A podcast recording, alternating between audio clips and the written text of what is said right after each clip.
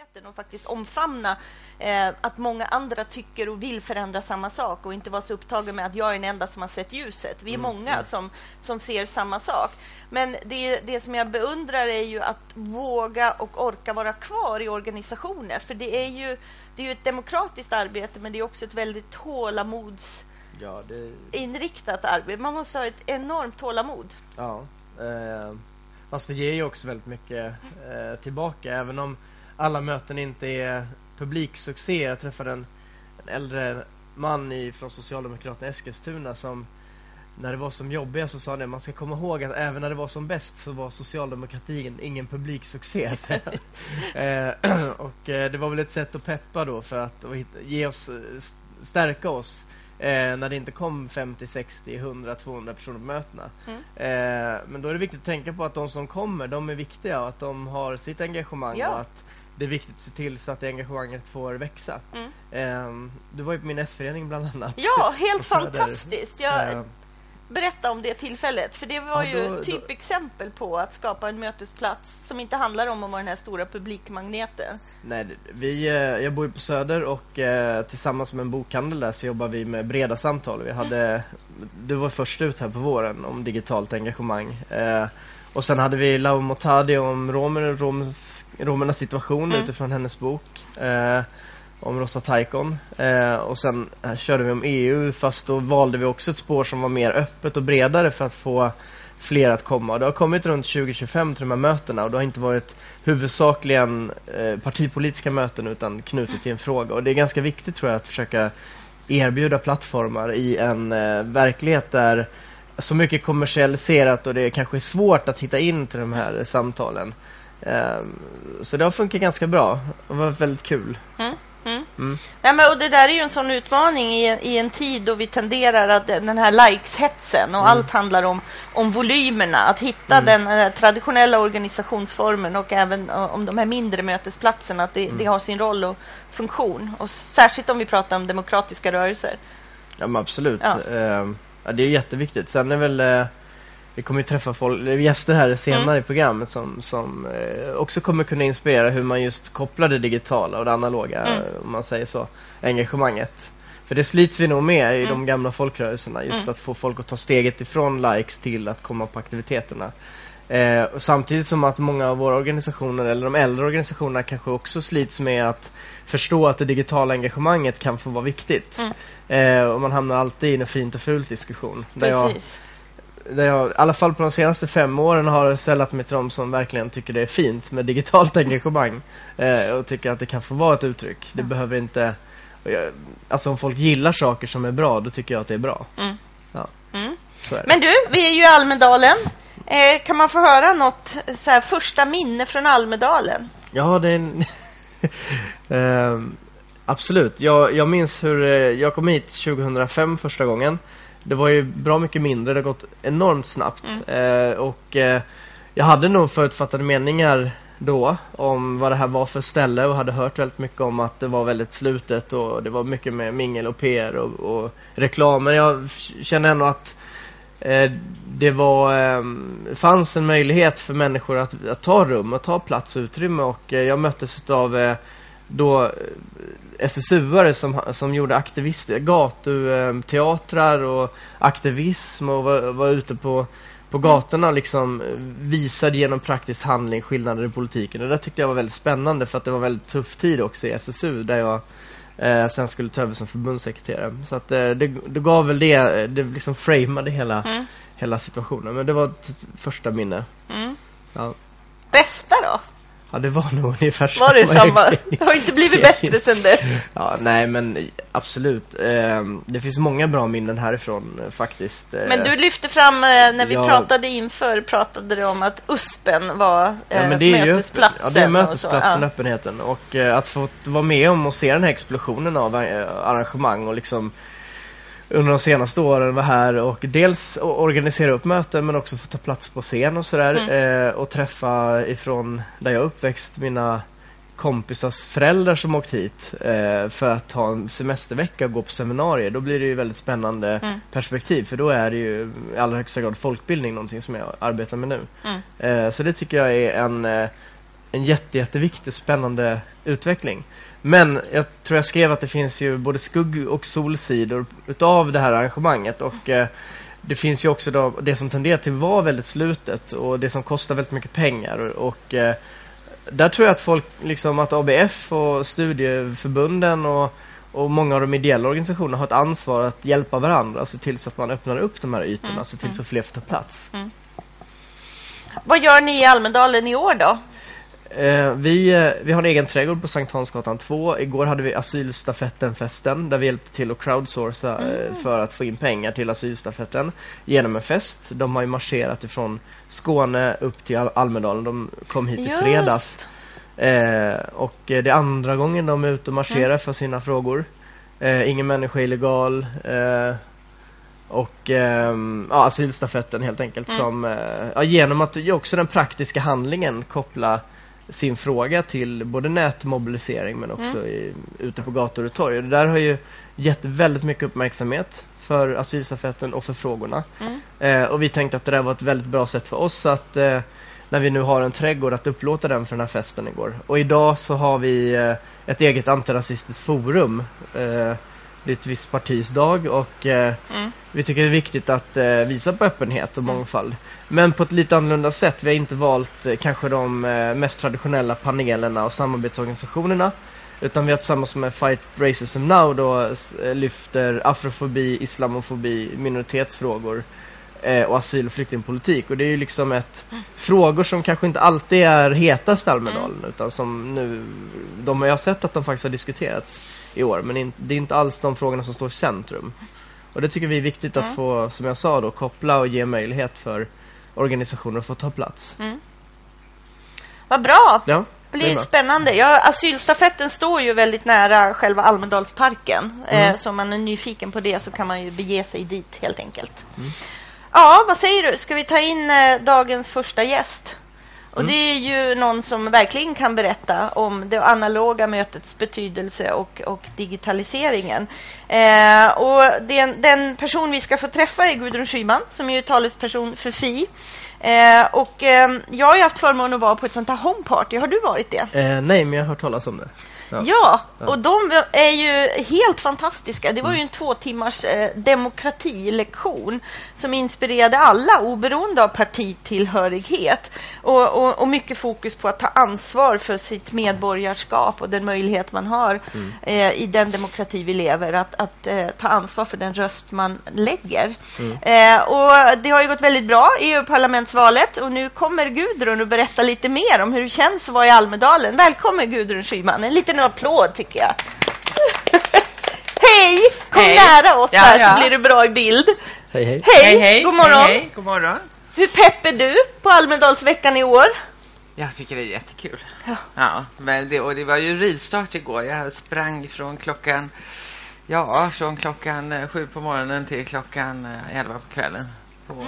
olika saker väldigt mycket media mm. är det ju. Ja. det finns ju inte, alltså man, det, man, man går fram och tillbaka så här, går in på olika ställen och frågar, är det här jag ska vara nu? Ja, det är det, ja, det är bra, säger jag. så håller jag på så där. Det är ju, vi är lite, det är lite hot här. Ja. Alltså det är ju, mm. får man säga, för mm. Fi. Berätta, varför de här framgångarna just nu?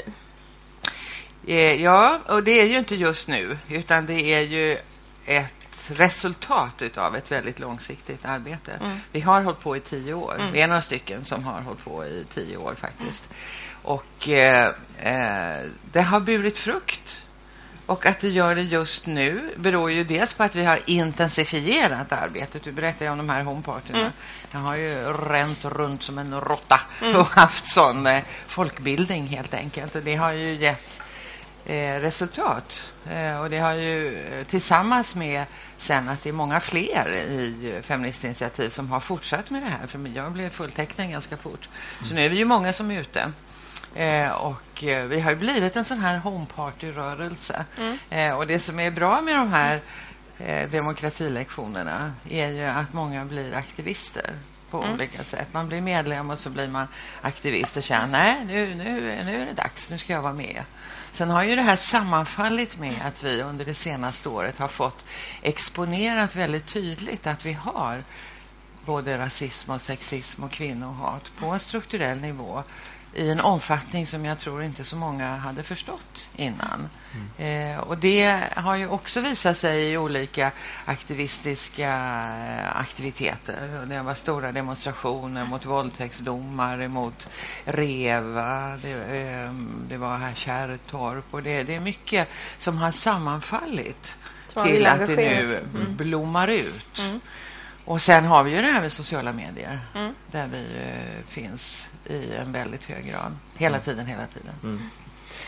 Innan jag släpper in Mattias som jag vet har en fråga kopplat till det så eh, för just de här homepartiesarna, det som var så um, um, som jag tror är en framgångsfaktor i det som inte lyfts fram tillräckligt det är ju inte att det bara är ett möte för de som redan har bestämt sig för att rösta på Fi utan demokratilektionen är ju öppen för alla de som eh, oberoende av partitillhörighet och det leder till långa samtal eh, ur, den, eh, ur de olika partitillhörigheter man har. Sen tror jag ju att ni, ni värvar en mängd på plats att just bli aktivister och så. Men att ha den här öppenheten för att låta oss diskutera politik tillsammans. Mm.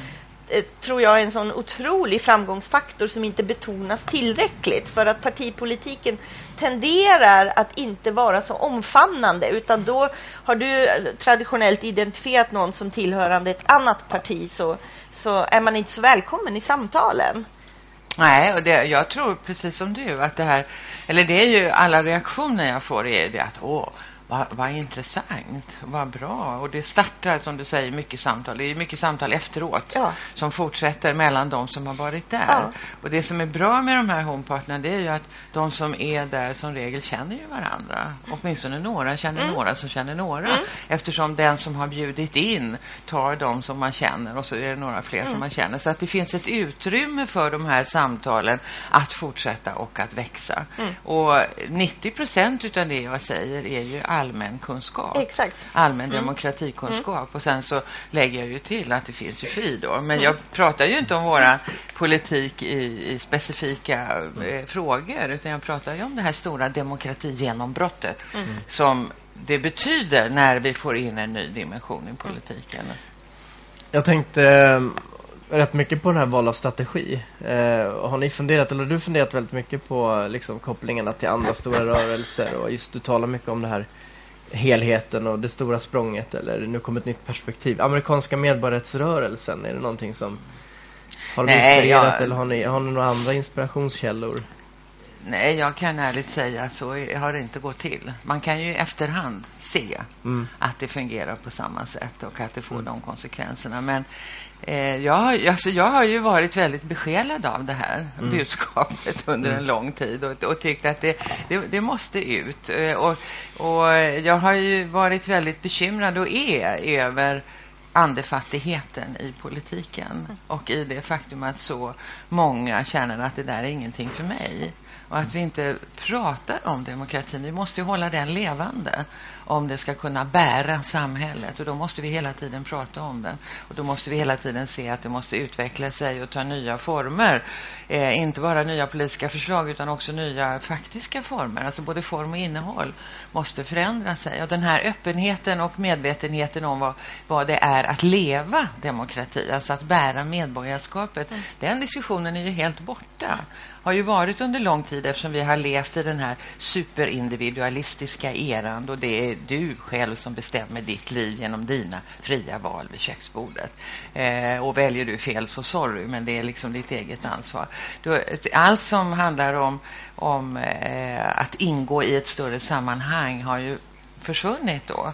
Och eftersom man inte har den här utbildningen i utbildningssystemen heller i skolan så blir det ju, när det inte finns någon sån samhällsdebatt så blir det tomt. Mm. Det ekar tomt runt många människor. Och systemfel i samhället, strukturella misslyckanden görs om till individuella tillkortakommanden och det skapar en enorm ångest hos många. Eh, och, det, och, det, är det här som vi måste få ihop, tycker jag. Mm. Eh, och det har jag inte tänkt, hur gjorde de förr? Utan jag har tänkt att nu måste vi få ihop det på något sätt. Absolut. Och jag ser att effekten blir ju det här. Mm. Många unga människor framför allt som för första gången se sig själva i ett större sammanhang och ser att jaha, men jag, mina erfarenheter, mina kunskaper kan vara en del, jag kan vara en del i att bära en samhällsutveckling. Och det är fantastiskt att få mm. vara med om. Det är mm. väldigt stort att se hur det här... Eh, och, det, och det är ju människor som inte tittar på några partiledardebatter överhuvudtaget. De har lämnat det där. Men där blir ju, jag tror att digitaliseringen spelar väldigt stor roll till att ändå eh, verkligen visa att individualismen står ju inte i konflikt med kollektivismen. Nej. Utan de digitala plattformarna hjälper oss att förenas ja. och, och, se just att vi är fler som vill förändra på samma sätt. Ja. Vi har ju använt sociala medier ja. väldigt mycket. Vi gör ju det i Feministinitiativ. Och det, roliga med det är ju att vi har, vi har ju inga anställda överhuvudtaget. Vi är volontärer hela gänget. Men jag, jag ser hur andra eh, mer etablerade partier eller organisationer måste anställa någon som jobbar med sociala medier. Det gör ju inte vi, för vi, det är allas vardag. Mm. Det är det naturliga kommunikationsmedlet för de allra flesta som eh, är med i Feministinitiativ. Så det där löser sig av sig själv. Det blir sen, ett kit emellan de här fysiska Ja, det är ju så vi håller ihop ja. helt enkelt. Mm. Det är ju via eh, sociala medier i hög grad. Och alla våra kampanjer driver vi ju på sociala medier. Och det har ju varit väldigt framgångsrikt. Mm. Hur ska ni ta tillvara på allt engagemang som ni, som ni väcker nu? Ni har haft upp- och nedgångar måste man ändå säga i även, det är ett lång, lång, långsiktigt arbete men upp- och nedgångar i mediefokusering. Och ja, ja, visst. Det är ju nu det har, alltså det, det har ju tagit fart det senaste året. Och, och det, det, alltså jag kände det redan förra sommaren här i Almedalen. Att mm. nu, nu, nu händer det någonting här. Eh, I, I, september skrev jag slutord i en bok som jag gett ut. Jag skrev, det är nu det händer. Jag var helt övertygad om det och det är mm. nu det händer. Mm. Eh, så, att, så där, man känner ju, jag, det är inte bara jag, det är jag är inte någon övernaturlig sån där. Utan, mm. men, men, det känns ju när det börjar röra på sig. Eh, och det som det gäller för oss nu är ju att Eh, alla de här 17 eh, 000 medlemmarna mm. som har strömmat till här under våren ska ju naturligtvis fortsätta. Vi ska fortsätta att vara det här homepartyt. Mm. Vi ska vara eh, aktivister. Eh, och det gäller att hålla fast vid det även när vi kommer in i riksdagen och i andra parlamentariska frågor. Jag, jag tänker just att vi ska fortsätta som vi har börjat. Mm. Eh, vi, vi är ju extremt öppna. Vi, det är ju total transparens i med att vi finns på sociala medier. Och det, vi har inga dörrar att stänga för vi har inga kontor. Eh, och även nu när vi får kontor så ska vi inte stänga dörrarna i min filosofi. Mm. Och vi ska fortsätta att vara ute och göra homepartyn hela tiden. Det ska alltid gå att boka en feminist. Eh, alltså alla som sitter i riksdagen. Det är en bra one-liner på Twitter. Det ska ja, alltid gå att boka en feminist. Ja, jo, men absolut, det, det, ska vara så. Vi ska hålla fast vid det. Alla som kommer att sitta i riksdagen ska ut och ha homepartyn. Så vi, det ska vara det här flödet hela tiden. Det, det, blir inte lätt, för när man kommer in i såna här gamla strukturer så slår det gärna till. Mm. Och så blir det världen och så, åh, vi hinner inte och så. Men vi måste hålla fast vid det där. Hur känns det nu då när man ser att alla partierna lägger det feministiska kortet på bordet och till och med Löfven pratar könsmaktsordning? Ja, Hur känns de det? hissar den där feministiska flaggan. Woo, ja. Jo, det, jag tycker det är jättebra. Jag tycker det är så bra för att det är ju också en illustration på varför vi behövs. Mm. Hade vi inte funnits här i valrörelsen och hade vi inte haft den här farten som vi har så hade det ju varit som vanligt, det vill säga tyst. Eh, och nu är det liksom, oh, alla måste prata om de här. Och en del är väldigt noga med att tala om att de minsann inte är feminister, men vill det och det. Och andra är väldigt noga med att tala om att de minsann är feminister och vill det och det. Eh, och det är bra. Jag tror att eh, många ser att eh, det behövs ett feministiskt initiativ för att detta ska hända. Och då behövs det ju också efter valdagen. Annars mm. blir det tyst igen. Så därför måste vi ju in och, och fortsätta att vara den som trycker på och som ser till att de här frågorna inte ramlar ut ur dagordningen igen. Men, du pratar, det är dubbelsidigt. Du pratar dels om att feminismen är ju universal, universal. Det är liksom någonting som ett perspektiv som finns med överallt. Å ena sidan så blir det väldigt mycket av en enfrågerörelse också i retoriken för att kunna ta plats och ta spjärn emot och hitta konfliktytorna. Finns det risk med att bli kategoriserad som en enfrågerörelse? Det finns nog många som har gjort det, men jag tror att det börjar bli allt klarare att det inte är så det förhåller sig i och med att vi också lägger fram en valplattform som ju spänner över väldigt eh, många områden. Och imorgon så har vi ju en, lägger vi fram en ekonomisk rapport eftersom det finns de som har roat sig med att säga att vi inte kan räkna. Så ska vi visa på att vi kan det som alla mm. andra.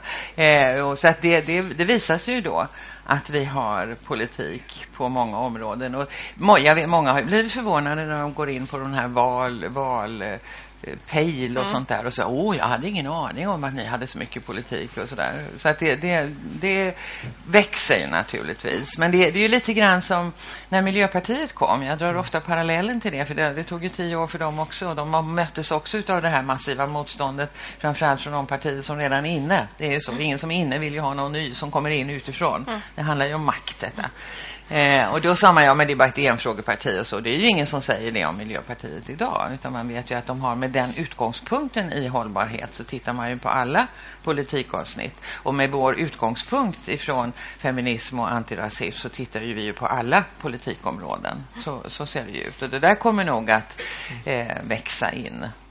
Det mm. tror jag. Och mm. allt fler. Mm. Ett sista Almedalstips för dagen som du skulle vilja ge till tittarna? Vad ska du göra idag? Vad borde man gå och lyssna på? Åh, oh, ja det är sånt utbud så man blir ju matt. Ja. Jag har ju inte möjlighet att gå på någonting annat än det jag själv är med på, ja. kan jag säga. Men eh, eh alltså det som jag tycker är är roligast själv. Det är lite egoistiskt, men det är ju, alltså vi har ju, vi, vi har ju sagt så här i Feministinitiativ, vi har ju ingen egen dag, så vi tar ju alla dagar som vår dag. Eh, och jag har ju ett program på Donners plats varje dag mellan 11 och 12 med olika teman. Mm. Idag är det antirasism.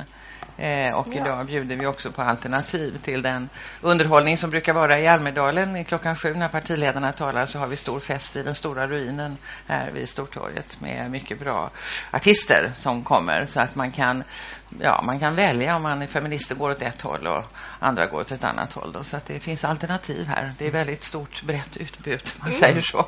Mm. Men det där på Donners plats är väldigt kul för att det är, det, det, är lite, det är lite som en talkshow och det är lite improviserat. Och kommer det någon som jag ser i vimlet som verkar höra till den här frågan så tar jag tag i den personen. Och, så det blir lite det är skoj där. Mm. Mm. Jag tycker själv att det är kul och det ja. är väl huvudsaken jag på att säga. Men det är ja, förutsättningen det i alla fall. Att, ja. man, att det är det man håller på med, det som är det man brinner för och tycker är väldigt roligt. Ja, mm.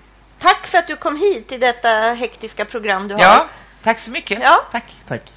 Nu ska vi gå över och faktiskt också göra ett nedslag i en eh, antirasistisk kampanj som pågår. Faktiskt precis mitt emot där David Isakscellen stod förra året står det en annan kub. Låt oss höra vad det är. Hej! Välkommen till Kuben. Jag heter Alicia och jobbar på Wallenberg Academy. Vi kom till Almedalen med en stor kub som ska fyllas i med civilkurage.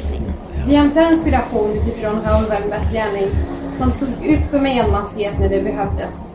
Vi vill ha fler Raoul Wallenberg. Vi vill ha fler människor som, som står upp för medmänsklighet och för alla människors lika värde. Vi vill höra vad du tycker. Vad är civilkurage 2014? Vad kan man göra för att träna sig i civilkurage? Vad finns det för enkla saker man kan göra varje dag för att stå upp för medmänsklighet? Kom till Kuban Lämna dina idéer, dina tankar. Vi behöver dig. Den 27 augusti släpper vi en lista. En lista om civilkurage. En lista på 100 saker man kan göra för att träna sig i civilkurage. Vi behöver veta vad, just du, vad tycker du? Och hur ska man påverka Sverige att träna sig i civilkurage 2014? Ja, Mattias, civilkurage kort. Vad är det för dig? Det är att ta ställning och göra det offentligt eh, och inte vika undan när det bränner till. Ja, ja. gå och skriv det på en post-it och sätt upp det i den kuben. Ja. Absolut. Vi har fått en ny gäst, Marcin Kaminski. Du är nätforskare och eh, numera yrkesverksam på Sida med eh, ämnesföreträdare yttrandefrihet. Det låter ju jättespännande. Berätta, vad gör du? Ja, men det är väldigt spännande. Eh, ämnesföreträdare yttrandefrihet ICT till och med, vilket gör att jag, jag ska dels hjälpa Sida att bli lite bättre på yttrandefrihet och nätfrihetsfrågor eh, och dels försöka förklara för, för er och eh, till exempel de som tittar här hemma just hur, hur det här hänger ihop. Var, varför är Sida engagerad i det här egentligen? Mm om vi, om vi tittar på det som händer med nätutvecklingen i Sverige. Eh, du eh, skrev till mig och pratade om den här lokala nätpolitiken. Vad betyder det vi gör eh, i Sverige för det som eh, händer eh, kopplat till nätet globalt sett, tycker du? Det, det gör väldigt mycket och, och, där kan man se både positiva trender, att, eh, att vi från Sveriges sida till exempel kan hjälpa människor som befinner sig i mindre demokratiska länder att faktiskt utöva sina mänskliga rättigheter. Att tala fritt, tänka fritt, organisera sig fritt till exempel. Mm. men det finns också negativa trender när, när det faktiskt är så att svensk lagstiftning och svensk teknik används för, för destruktiva saker utomlands. Okay. Ser man en, eh, tycker du det ser liksom ett större engagemang i Sverige kring internationella frågor genom den tekniska utveckling som vi har sett? Eller är det konstant? Eller? Nej, jag tror absolut att, att eh, den nätpolitiska uppsvingen som, som vi har sett under de senaste fem åren har, har fört eh, världspolitiken närmare de diskussioner som vi gör här i Sverige. Och det är verkligen en, en, en av styrkorna med nätet, att vi mm. faktiskt är närmare varandra. Mm. Vilka frågor är det som, som eh, behövs ta tag i? Om du fick så en wishlist som du önskade att man diskuterade här i Almedalen kopplat till nätpolitik. Alltså det, det är ju inga enkla nötter, nötter att knäcka så, utan, eh, men, men det är stora utmaningar till exempel kring hur teknik används eh, i demokratiska länder som Sverige och sen när det flyttas utomlands, vad som egentligen händer med den tekniken då. Och det vet jag pratades om redan i söndags när man pratade om, om Göteborgsföretaget Netclean och Turkiet till exempel hur, hur eh, tekniken där kan användas för, för sämre syften än man gör här i Sverige. Mm. Mm. Och hur kan man jobba med att motverka det och bidra till att synliggöra det? Jag tror man måste ställa krav på, på företag och aktörer generellt att man, att man faktiskt synliggör vilket ansvar de har, vad, vilken roll de har och, och, vilka effekter deras handlande har. Eh, kanske väldigt långt bort härifrån. Det, det här är någonting som, som, där saker händer här men effekterna är, är väldigt långt bort. Mm. Du har nyligen gjort någon, eh, några internationella resor. För det, du har inte jobbat så länge på Sida. Eh, vad, vad, var dina intryck? Vad var det för frågor ni diskuterade då? Ja, alltså, jag var i Mosambik och pratade om nätsäkerhet och, och, det är ju en helt annan situation där än här förstås. Mm. För att det, det, är väldigt, eh, förhållandevis väldigt få som har tillgång till, till nät och teknik. Och, och, då möter man just de här diskussionerna som, som vi i Sverige kanske hade för ja, ett antal år sedan, fem, tio år sedan. Men den tekniska utvecklingen har precis satt igång där och det är mm. väldigt spännande just att se hur, eh, hur annorlunda det kan vara fast det är samma frågor som väcks på, där borta också. Mm. Mm.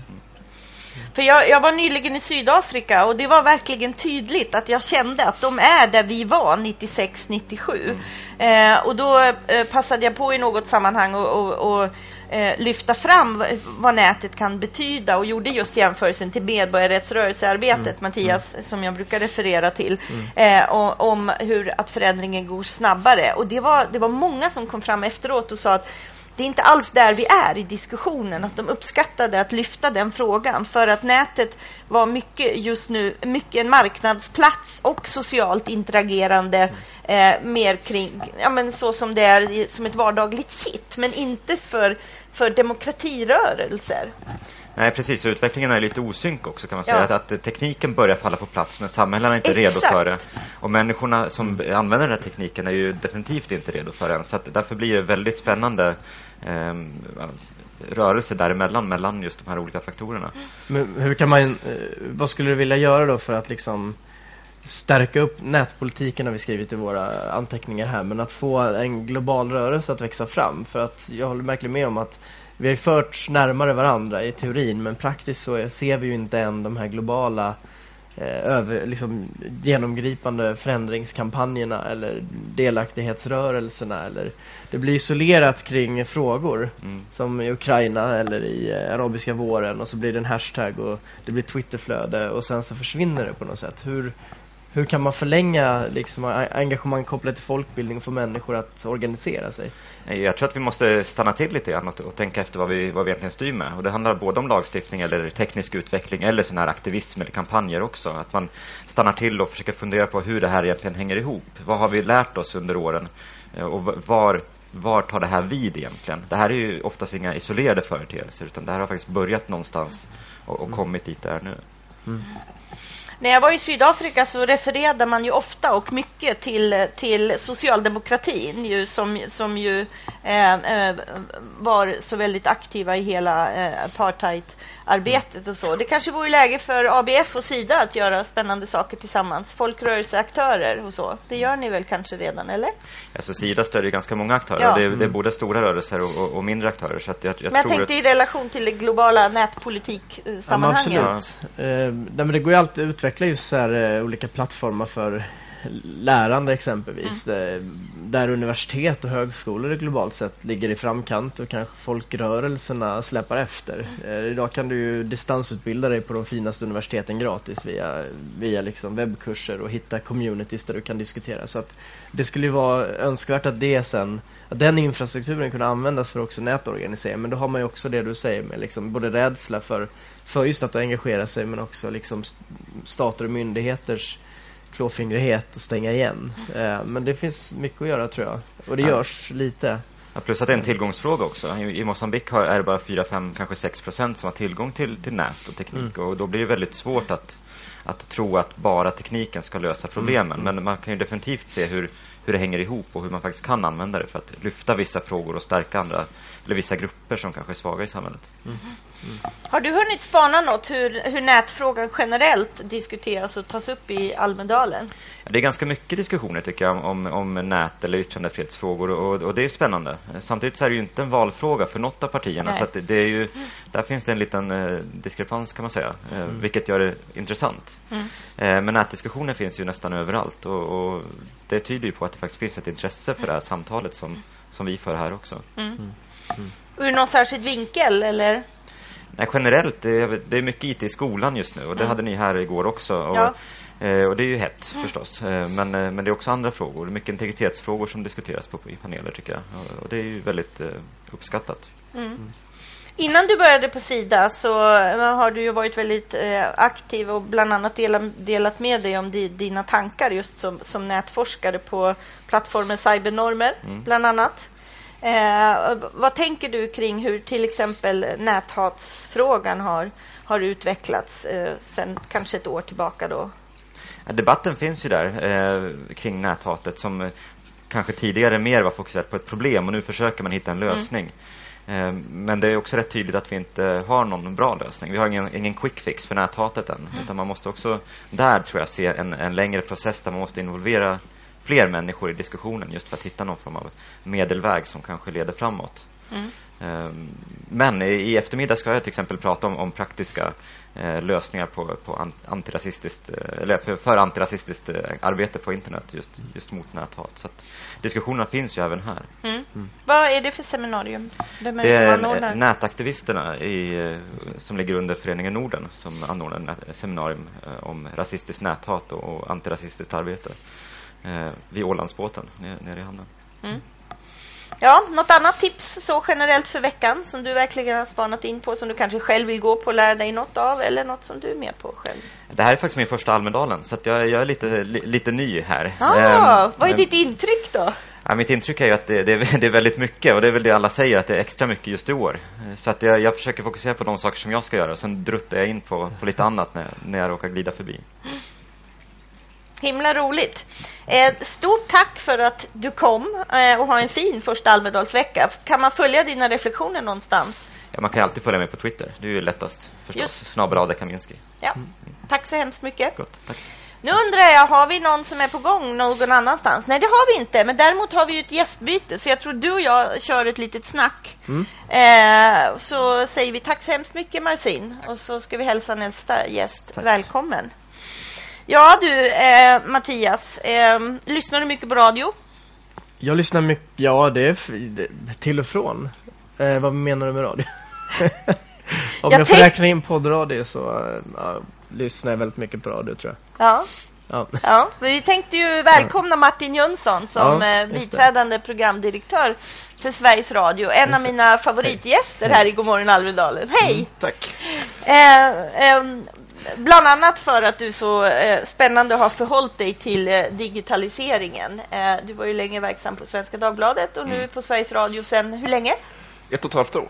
ja. som ansvarig för den digitala strategin och allt vi, vårt digitala utbud på sajt, appar och sociala medier. Mm. Ni gör ju väldigt mycket spännande. Det är ett supervalår. Ja. Hur, hur har ni angripit det? Vad, vad är det man får via Sveriges Radio? Eh, ja, vi vill ju att man får den bästa valbevakningen naturligtvis, men det säger väl andra ja. också. Eh, vi garanterar den oberoende valbevakningen. Det är ju public service-uppdrag och vi vet att eh, publiken håller med oss om att vår valbevakning är viktig. Eh, vi gjorde en Novusundersökningen efter EU-valet där vi 80 procent av väljarna tyckte att det var viktigt, det är mycket viktigt att vi bevakade EU-valet. Och då är det ändå bara 50 procent som röstade, så det får sägas vara, var ett bra betyg. Och drygt 70 procent hade högt eller mycket högt förtroende för vår valbevakning. Det kan jämföras med 45 procent för dagstidningarna och 10 procent för kvällspressen. Så att den är viktig. Eh, sen sa vi tidigt i höstas när vi började lägga upp att vi ska göra en valbevakning som inte bara handlar om att intervjua så många politiker som möjligt, vilket är favoritsporten i Almedalen, utan att utgå verkligen från, från väljarna. Mm. Att utgå från, från eh, gräsrötterna, de frågor som är viktiga för publiken, engagera och få med publiken på, på olika sätt. Inte minst via de digitala plattformarna. Och det mm. tycker jag vi har gjort. Mm. Mm.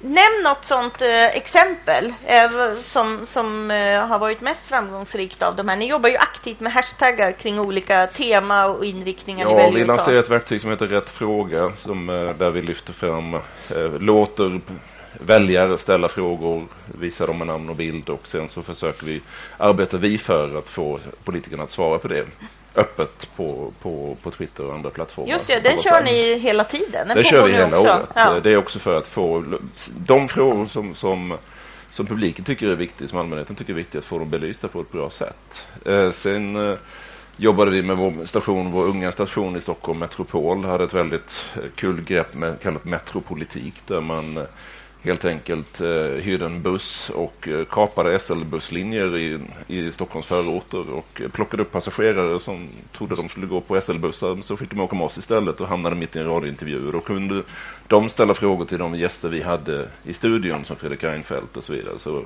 var vi i Södertälje så kunde gymnasieungdomar ställa frågor direkt till Fredrik Reinfeldt. Varför kallar du inte dig feminist? Och så fick han svara i studion i Stockholm. Så att väldigt mycket jobba med eh, tvinga fram en interaktivitet eller locka fram en interaktivitet så mycket som möjligt. Vi har också jobbat på Facebook program som P1 Morgon och jobbat med att eh, lägga ut sina frågeformulär. De här frågorna tänker vi ställa till Marita Ulskog. Vad tycker du om dem? Är det någon annan fråga du vill ställa? Tycker du vi borde formulera den på något sätt? Så mm. transparens, väldigt mycket transparens kring det vi gör. Mm. Har vi, om man tänker sig från politisk sida så um, finns det alltid känslan av att det finns också den här nya opinionsjournalistiken som växer fram. Yep. Eh, det är kanske ingenting som ni på Sveriges Radio väljer att delta i så att säga. Men på tv-sidan, om, man, om du får recensera eran eh, kollega på tv-mediet. Eh, för där kan jag i alla fall uppleva att du får väl en, en, en ny maktfaktor i politiken. Och det är åsikts, alltså det ås, tyckarna, recensenterna. Är det någonting som är uppe för diskussion och ser hur ni ska förhålla er kring att också leda ja, opinionen framåt? Eller? Självklart är det det och det, jag tror man ska hålla, vara väldigt försiktig på det området. Vi ser här i Almedalen så recenseras ju talarna lika mycket som hur deras skämt var som hur deras ja. politiska innehåll var. Så att Hägglund sågades igår därför att det var för dålig kvalitet på humorn. eh, och där är inte vi med säga så. Generellt sett så ser vi en utveckling som, som skrämmer oss lite, skrämmer mig lite om att eh, eh, nyhetsjournalistiken blir allt mer åsiktsfärgad. Det, mm. det blir mindre skillnad mellan de personliga åsikterna och säga, uppdraget som journalist. Man blir sina åsikter väldigt mycket, mm. även på nyhetsplats i vissa, i vissa medier. Eh, för oss är det otroligt viktigt att vi, om vi har åsikter så ska det vara analys.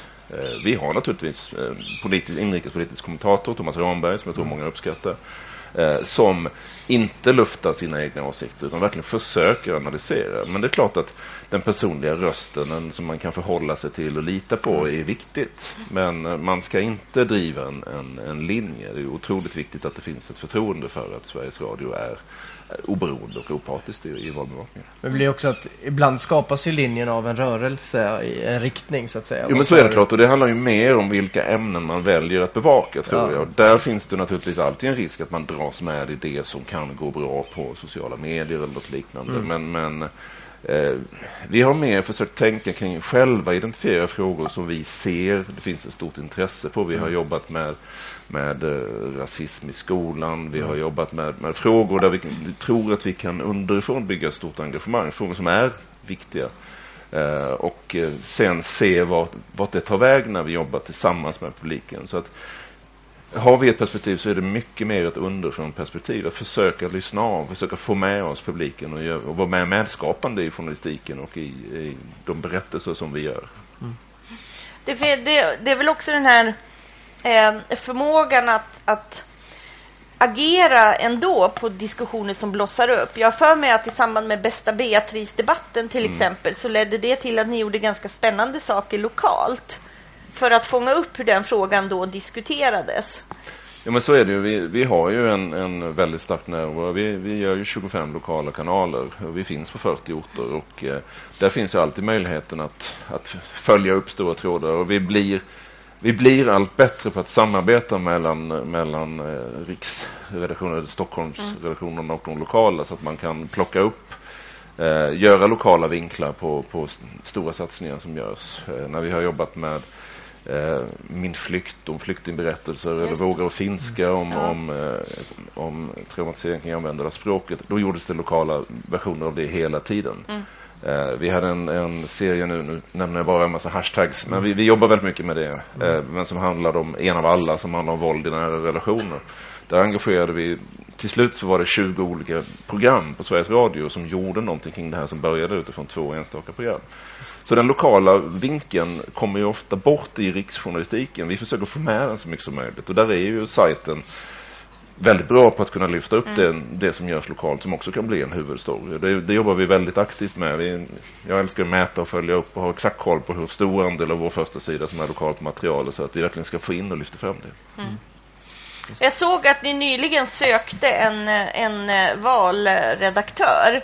Och den annonsen var ju utformad väldigt mycket för att, eh, vad jag tolkar det som, säkerställa att ni har en journalistik som bland annat kan hantera den här sociala logiken för att inte gå dit på det som plötsligt tar stor plats i Twitterflödet utan att ha gjort en analys. Kan du berätta lite om hur ni har tänkt jag, där? Jag jobbar väldigt mycket nu med att försöka eh, se till att vi har en utbildning av chefer att de läser rekrytera sociala mediekompetens. Eh, att man ställer det som ett krav alltid när man rekryterar en journalist. Liksom, vad, vad har du för kunskap om hur man arbetar med sociala medier? Därför vi vet ju att är man för naiv när man bevakar sociala medier, då kan man tro att listan där det står vad som trendar på Twitter, att den har någonting med sanningen att göra. Mm. Mm. Det har den naturligtvis inte, mm. utan den är ett resultat av den algoritm som, som Twitter bestämt sig för. Jag fick höra när jag var på South by Southwest i Austin att uh, ingenjörerna på Twitter hade lagt till ett Justin Bieber-filter för de tröttnade på att han alltid trendade. Så att de ändrade så att han måste nämnas hundra gånger mer än andra för att komma upp och trenda. Och det gjorde han först när han uh, åkte fast och var rattfull och kissade på polisbilar. Så att, man måste känna till det här. Man måste förstå hur Facebooks algoritmer fungerar och vad som, som syns och inte syns och hur man ska kunna vara källkritisk mot det som sprids viralt och så ja. vidare. Och det gäller inte minst i valbevakningen för där har vi hundratals och åter hundratals aktörer som är rätt duktiga på att använda sociala medier för att driva opinion eller manipulera opinion. Mm. Mm. Häromdagen var jag med i en debatt om vad är det vi inte får veta i, i Almedalen. Och, ja. och, och eh, har du några tankar kring det själv? Jag tycker ju att Almedalen är så fruktansvärt svenskt. Det är så lite internationellt här. Eh, vi har idag en gäst, en, en, en brittisk gäst, men annars är det en, en väldigt, väldigt eh, inåtblickande diskussion. Jag skulle gärna se att det var mycket mer globala frågor som lyftes här mm. eh, och framförallt fler utländska gäster som kunde ge mm. nya perspektiv. Det mm. är lite för mycket rotation av samma människor hela tiden här, mm. eh, år efter år. Och jag tror att eh, man skulle vinna på att plocka hit fler eh, som kommer från Asien, som kommer från Afrika, som kommer från, från eh, andra länder som kan ge perspektiv på, på teknikutveckling, samhällsfrågor, politik, hållbarhet och så vidare. Mm. Mm. För det är ju inte bara en arena där en mängd journalister rapporterar hem. Det har ju också blivit en kompetensutvecklingsarena som är möjlig för, för journalister eh, och allmänt medieintresserade. Ja. Om man hinner, eh, exakt. Eh, men eh, berätta vad ni gör i Almedalen. och berätta just om ert internationella besök. Ja, vi sänder ju väldigt massa radio till Bernen. Ja. Från vår scen eh, så sänder vi från morgon till kväll. Eh, för att eh, lyfta fram och marknadsföra oss naturligtvis Mm. och visa upp oss eh, och låta publiken få en chans att se inte så ofta man ser radiomänniskor. Det kan vara trevligt att göra det. Eh, Men sen gör vi två seminarier som handlar om, om hoten eh, i utrikesjournalistiken. Eh, naturligtvis kopplat till det tragiska mordet på Nils Horner. Eh, Eh, och idag 10.30 så har vi ett eh, intressant seminarium eh, om Snowden-affären och om Guardians avslöjande med Paul Johnson som är redaktionschef för Guardian. Nu kommer det nyheter på morgonen här om nya läckor från Snowden om eh, hur omfattande att NSA eh, kunde avlyssna alla länder i världen utom fyra. Eh, så det finns ganska nya, många aspekter att ta upp. Men Paul Johnson berättar väldigt levande och starkt om eh, framförallt när den brittiska regeringen försökte tvinga Guardian att sluta rapportera material från, som var läckt av Snowden. Eh, och hur man gick så långt att man eh, under hot att st- stänga tidningen, lägga ner tidningen helt enkelt, eller förbjuda den att komma ut, så tvingade man att, att eh, förstöra eh, en hårddisk eh, i deras källare. Eh, såga sönder hårddisken helt enkelt. Det är inte så lätt om ni vill försöka. Det, han berättar väldigt levande om hur dammet sprutar och man får stå där flera timmar för att få sönder den här hårddisken. Vilket var en fullständigt meningslös övning för de hade naturligtvis materialet på allt annat utan än på den hårddisken. Det var ju över servrar och USB-stickor över hela världen. Men, men det var en sån maktmarkering av den brittiska regeringen att vi tolererar inte att ni rapporterar på det här sättet. Och det skrämmer mig väldigt mycket för det visar hur Ja. långt eh, stater är beredda att gå för att trycka ner den avslöjande journalistiken. Det var ju ett, det är ju ett otroligt jobb det som skedde där. Jag hade förmånen att vara på The Guardian ganska nyligen Ja. och jag k- kommer ihåg eh, hur de berättade att det fanns ju ett rum där hela det här arbetet gjordes, eh, eller en stor del av arbetet och det gick, ingen visste vad som skedde i det här rummet och det gick till och med rykten att Snowden bodde i det rummet till slut. Eh, och så. Eh, men det man framförallt också såg var ju hur, hur mycket, eh, det fanns bland annat en vägg där de valde att lägga upp alla artiklar som hade publicerats vid den tidpunkten och så. Eh, och det har ju varit fantastiskt viktigt och det är väldigt roligt att han kommer hit och att det sätts fokus på Och de la enorm, och har lagt och lägger enorma summor på den här bevakningen. Det Mm. kostar naturligtvis mycket om man ska göra den här sortens rapportering där man inte kan förlita sig på några eh, datanät, några mobiltelefoner. Man måste ha liksom separata servrar för Ja. allting. Eh, det är väldigt kostsamt och de har ett dussin personer som har jobbat nonstop i ett år med det här. Eh, han fick frågan, jag lyssnade på honom i Dublin för en tid sedan, Men om det kostar så hyggligt mycket och dessutom har de blivit attackerade av så många, även av presskollegor i Storbritannien. Liksom, varför gjorde ni liksom? Var det värt det? Han bara tittar. För att vi är journalister. Vad skulle vi annars göra? Ja. Det är liksom kärnuppdraget. Det är att vi ska avslöja det som är viktigt eh, för allmänheten. Och de lever verkligen upp till det i en tid där, där tyvärr allt för många redaktioner inte har resurser eller Ja. modet att göra det. Ja. Men du som så eh, digitalt också ligger mycket i framkant, vad tycker du att, att de avslöjandena ha, har lärt oss? Eller vad borde vi bära med oss i mycket större utsträckning? Jag tycker det? att om man tittar tillbaka på avslöjanden som har varit ifrån Assange, Wikileaks till Snowden, alla visselblåsavslöjanden så har det framförallt tror jag det har fått oss att sluta vara naiva. Mm. Eh, därför vi har varit väldigt naiva. Vi har litat på vad makthavare har sagt. Eh, som journalister så har vi liksom fått ett svar så har vi godtagit det svaret. Trots att det har varit uppenbara lögner. Vi har litat på att teknikföretagen eh, inte är onda. Eh, att de inte är korrumperade, att de inte är lierade med, med den politiska säkerhetsmässiga makten. Nu vet vi att vi kan inte vara så naiva. Vi måste hela tiden vara mycket mer ifrågasättande. Eh, vi måste vara mycket mer försiktiga när vi arbetar. Vi måste vårda våra källor mycket mer därför att källorna utsätts för väldigt stor risk eh, om de läcker material. Vi har ju Sveriges Radio i många år jobbat med något som kallas för radio leaks eh, som är ett krypterat sätt att tipsa oss så man kan tipsa oss säkert. Eh, vi har fått titta på det igen och kollat hur säkert är det egentligen. Eh, och eh, försöka jobba på olika sätt för att stärka detta. Så att eh, en förlorad oskuld. Ja. Någonstans tror jag att det är lite de här blå ögonen som man har haft eh, där man ändå har trott gott om makten. Eh, Även vi journalister har ju gjort det på något sätt. Nu har det visat sig att vi kan inte göra det. Vi måste vara mycket, mycket mer kritiska. Vad Det tänker är, du väldigt, bra- Mattias? det är väldigt bra läxa tycker jag. Ja, ja, absolut. Nej, Det jag, det jag tänker på, det vi ser i, i folkbildningen och bland alla de organisationerna vi möter så är det väl oron för det lokala perspektivet som du börjar med mm. kopplat till just det här med granskningsfunktionen som public service framförallt har eh, och även andra medier. Eh, men just det här eh, svårigheten att bibehålla de lokala stationerna. Mm. Vi såg TV4 under våren som la ner sina lokalstationer och även SVT och, Sveriges Radio har ju blivit tvungen att åtminstone slå samman och... Inte Sveriges Radio.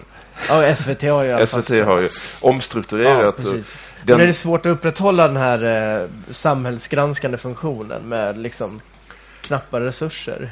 Det är ju, ja, det är klart att det är svårt, men det är ohyggligt viktigt att göra det. Jag är, som du är, jag är väldigt, jag är riktigt orolig för den lokala journalistikens förmåga mm. att uh, göra det jobb den ska göra. Både spegla samhället och mm. granska uh, den lokala makten.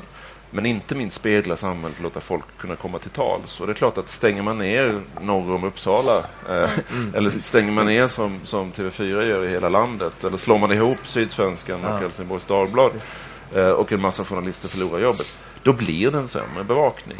Och där är det så viktigt att där vi är nu att vi kan se eh, ansvar som tas mm. på två håll. Dels från ägarna eh, i den här brytningstiden där man liksom måste ställa om till den nya digitala verkligheten, det nya nätverkssamhället.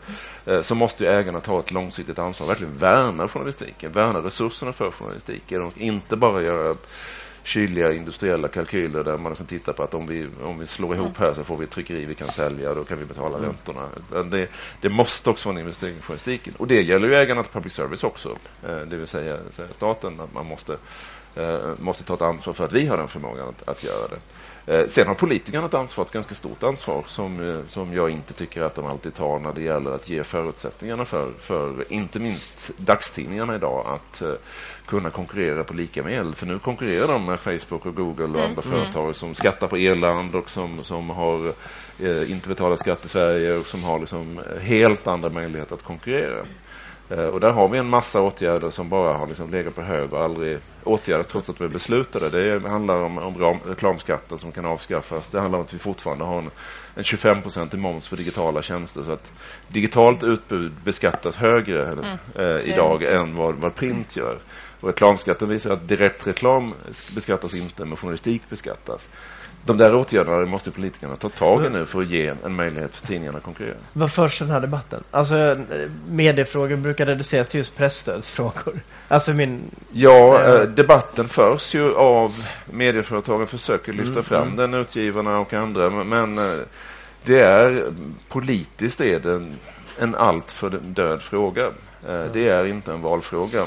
Man kan bråka lite om tv-licensen eller något annat. Mm. Men de här frågorna om hur man faktiskt kan se till att, att journalistiken har möjlighet att konkurrera sig mot de här globala jättarna som går in. Vi har ju ännu inte sett fullt ut hur Facebook eller Twitter och andra gjort sig själva till innehållsleverantörer. De är ju fortfarande ändå plattformar.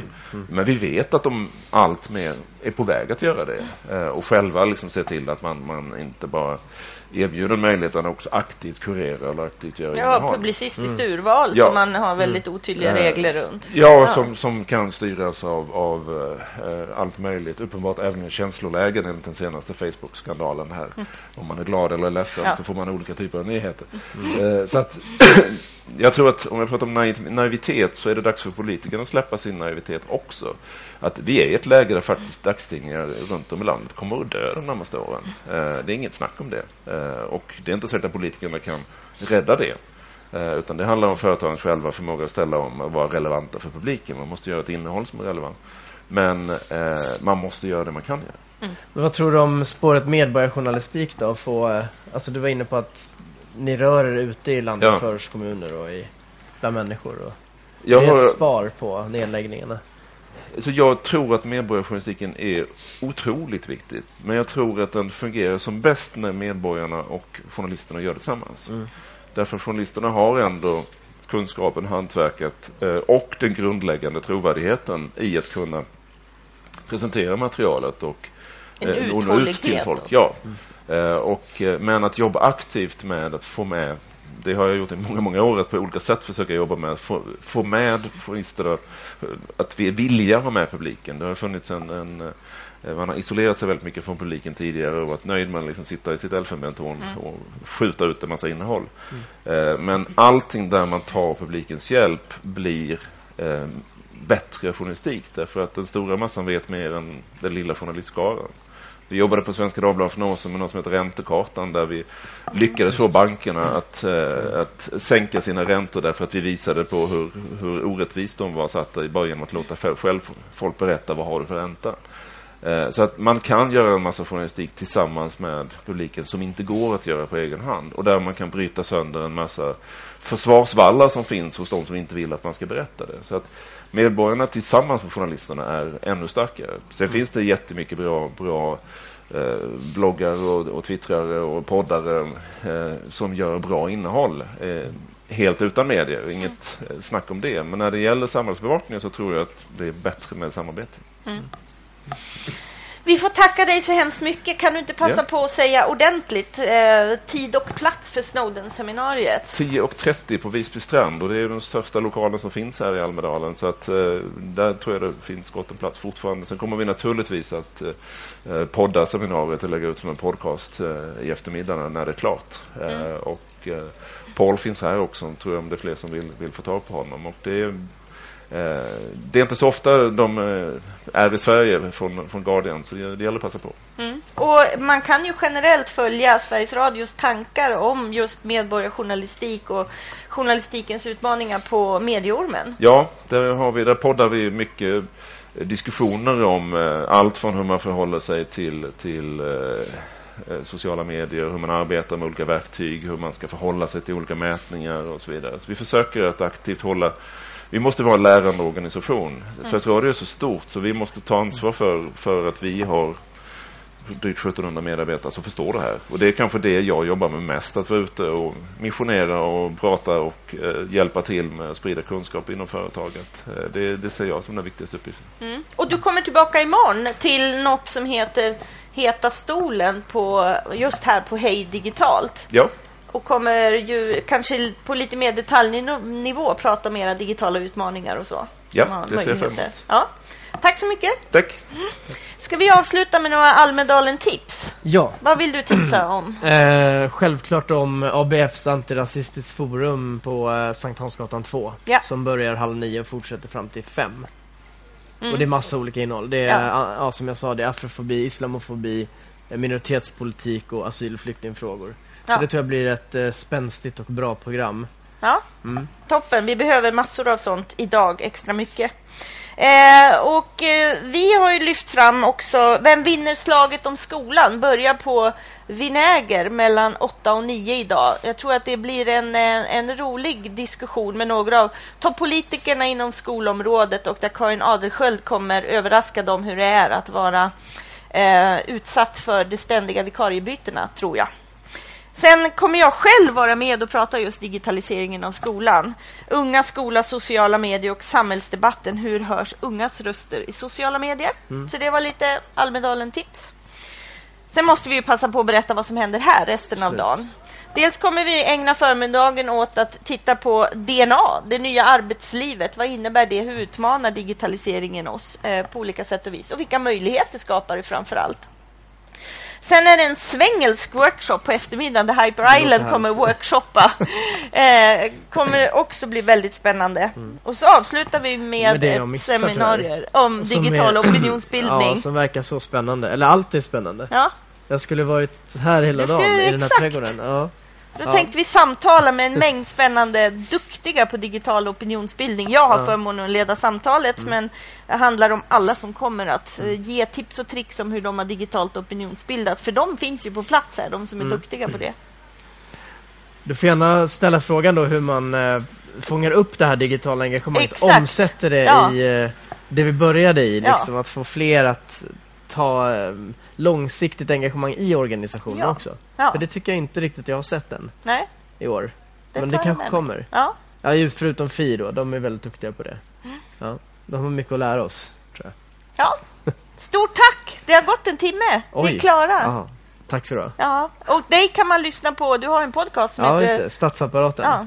Den är härlig. Vi ska spela in idag faktiskt. Ja, vad kul. Ja, i en trädgård här någonstans. Ja. Så vi kommer med ett avsnitt till innan sommaren. Sen får vi se. Mm. Ja. Tack så mycket att du Ja, var med. tack. Och tack alla ni som tittar. Vi ses imorgon klockan 07.00. Ha en bra dag.